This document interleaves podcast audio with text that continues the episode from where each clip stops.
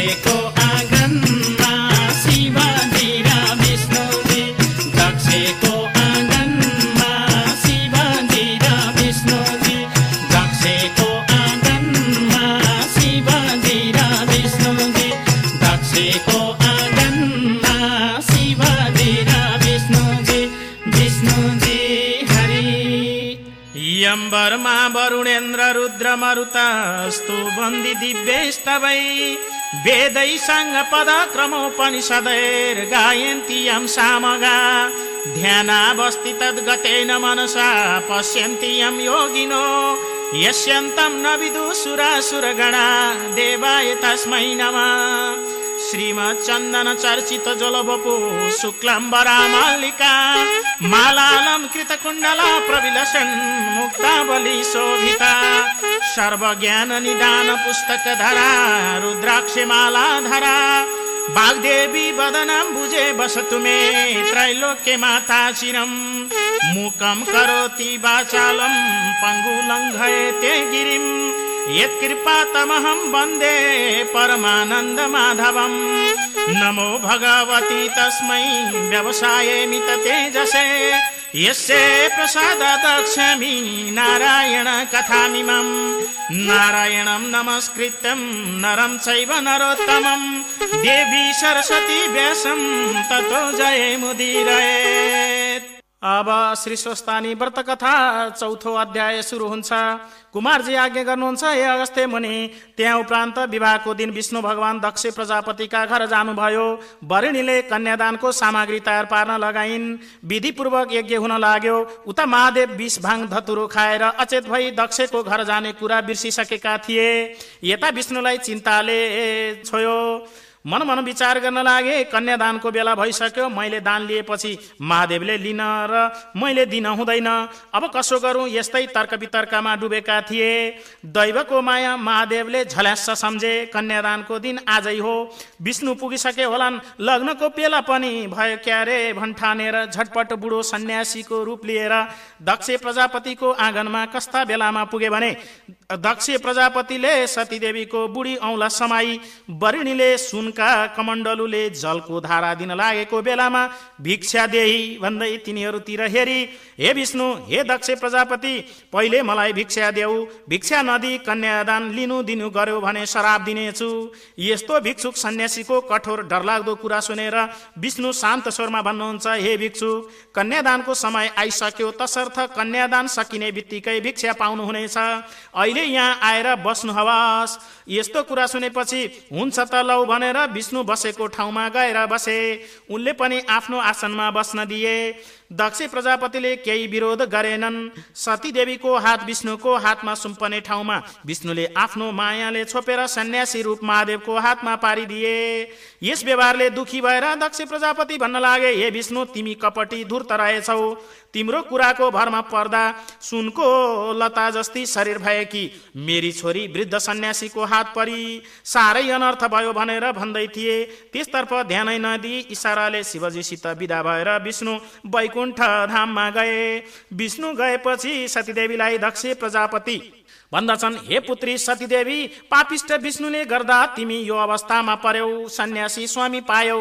हामी तिमीलाई पालौला अहिले त्यसैसित जाऊ। यस्तो पिताको वचन सुनि बहिनीहरूले देवता स्वामी पाएको सम्झेर मनमा ठुलो दुःख लागे तापनि बुद्धिमान भएकी हुनाले आफूलाई सम्हालेर मेरो कर्ममा यस्तै लेखेको रहेछ भनेर चित्त बुझाइन्। कस्तै भए पनि मेरा बाबा महातारीले दिएका मेरा पति यिनै हुन् भनेर ईश्वर रूप मानिन्। सन्यासी रूप महादेवले सतीदेवीलाई भनिन् हे स्त्री अब यहाँ बसी के गर्ने? आफ्नो घर जानुपर्छ। तिम्रा माता पितासित विदा मागेर आऊ। सतीले हवस भनी माता पितासित विदा मागिन्। दक्ष प्रजापति दम्पतिले ठुलो धैर्य गरेर विदा दिए। अघि अघि सतीदेवी र तिनको पछि पछि महादेव हिँडे। सतीदेवीले फर्केर माता पितालाई प्रणाम गरिन्। धेरै टाढा पुगेपछि सन्यासी भन्छन् हे सुन्दरी तिमी कहिल्यै घरदेखि बाहिर ननिस्केकी सधैँ सुखमा रहेकी कोमल शरीर भएकीले हिँड्न गाह्रो भयो होला? बिस्तारै बिस्तारै हिँड। आफ्ना स्वामीको यस्तो वचन सुनेर सतीदेवी भन्दछन् हे स्वामी मलाई त गाह्रो भएको छैन। उमेरदार भएकी हुनाले हिँड्न सहजै सक्छु। हजुर वृद्ध अवस्थाको हुनुहुन्छ। परिश्रम पर्ला सुस्त सुस्त हिँड्नु हवस्। यस्तै अनेक प्रेमका कुरा गर्दै दम्पति हिँडिरहेका थिए। पति वृद्ध छन्। म भर्खर कि पूर्ण यौवन छु। स्वामीलाई कसैले केही गरी दुष्टमती लिएर मलाई हरण गरेर लैजान्छ कि भन्ने शङ्का उब्जेर वृद्ध पतिका नजिकै रहेर हिँड्दै थिइन्। जाँदा जाँदा कैलाश पर्वतको फेदीमा पुगे महादेवले सतीदेवीको चरित्र हेर्ने इच्छाले पर्वतको शिखरमा खरले बनाएको एउटा कुटी उत्पत्ति गरे। हेर सती हाम्रो घर त ऊ त्यही हो भनी देखाए। त्यो घरको आँगनमा पुगेपछि तिमी भित्र जाऊ खानेकुरा केही भए खाएर भोक मेट। मलाई थकाइ लागेको छ एकछिन पल्टन छु भनेर बिस भाङ धतुरो खाएर आँगनमा लम्पसार परेर सुते। सतीदेवीले त्यो खरको झुप्रोदेखि आफ्ना पिता दक्ष प्रजापतिको घर सम्झिन् र आफूलाई धैर्य दिन बिर्सेर आँखादेखि आँसु खसालिन्। झट्ट मेरो कर्मले यस्तै पार्यो भनेर मनमा धैर्य लिएर कुचोली घरभित्र पसी। हेर्दा सबै ठाउँमा माकुराको जालो र कसिङ्गर मात्रै देखिन्। त्यसलाई कुचोले झारी सफा पारेर बढारिन्। स्वामी जागा भएपछि के खाना दिने भनेर यताउति सबै खानेकुरा खोजिन्। कहीँ केही पाइनन्। आकुल व्याकुल चित्त भए तापनि सन्यासी रूप महादेवका गोडामुनि आएर बसिरहन्। महादेव बिउजनु भएन। चार दिनपछि महादेव जागा हुनुभयो। जागा हुने बित्तिकै राता राता आँखा पारेर भन्न लागे हे पापिनी स्त्री मलाई बाहिर सुतेकै छाडेर आफूभित्र सुतिस। त्यसो गरे तापनि तँलाई केही खानु पर्दैन। थियो के खाइस् कि खाइनस्? भनेर खै खै गरे भनेको हप्काए। अनि सती देवीले हँसिलो मुख पारेर यो कुरा भनिन् हे स्वामी हजुर निन्द्रामा मगन मस्त भएको देखेर जागा गराउन सकिन। म पनि सुतेकी छैन यहाँ आएर बसिरहेकी छु। मैले त भण्डारमा जे भएका मिष्टान्नहरू खाएँ। अब हजुर के खानुहुन्छ? आफूले रिसाएर बोल्दा पनि हँसिलो मुख पारेर श्रृङ्गारले युक्त भएकी मिठो र मधुरो बोली बोलेको सुनेर महादेवलाई दया आयो र प्रेमपूर्वक भने हे प्रिय हाम्रो घर यो होइन। यो खरको भित्तो च्याती हेर त यस्तो आश्चर्यले भरिएको मिठो शब्द सुनेर सतीदेवी भन्छन् हे स्वामी भएको घर बिगारेर नभएको घर कहाँ हेर्न जाने? फेरि बनाउनु पर्ने भयो भने हजुरको वृद्ध अवस्था।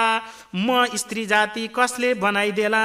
आफै अघि सरे पनि व्यर्थको परिश्रम आइलाग्नेछ यस्तो तर्कयुक्त स्नेहले भरिएको वचनले सन्यासी रूप महादेव खुसी भएर जुरुक्क उठी खरको भित्तोमा लात्ताले हानेर भत्काइदिए।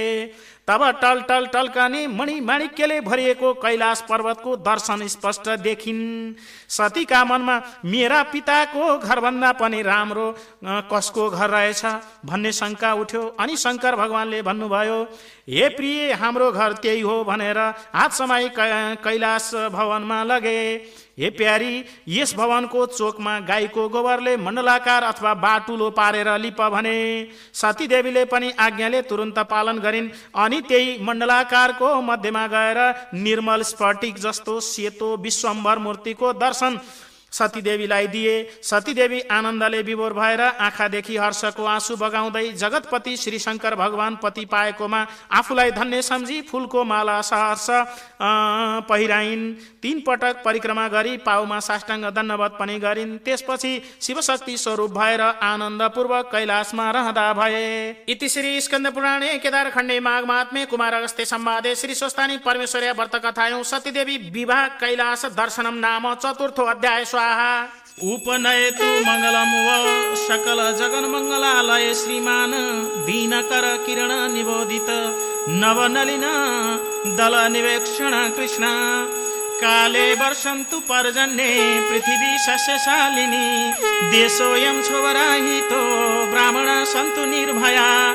अपुत्र पुत्रिण सन्तु पुत्रिण सन्तु पौत्रिण निर्धना सदन सन्तु जीवन्तु शरदं शतम् तत्रैव गङ्गा यमुना च तत्र गोदावरी सिन्धु सरस्वती च। तीर्थानि सर्वाणि वसन्ति तत्र यत्राच्युत्योदार कथा प्रसङ्ग। या कुन्देन्तु तुषारहार धवला या शुभ्रभ्रष्टावृता या वीणा वरदण्ड मण्डितकरा या श्वेत पद्मासना या ब्रह्माच्युत शङ्कर प्रभृति देवै सदा वन्दिता।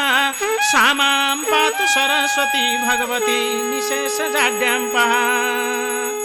काये वाचा मनसन्धिर्वा बुद्धत्मना वा प्रकृति स्वभावात्। करोमि यदेत् सकलं परस्मै नारायणायेति समर्पयेता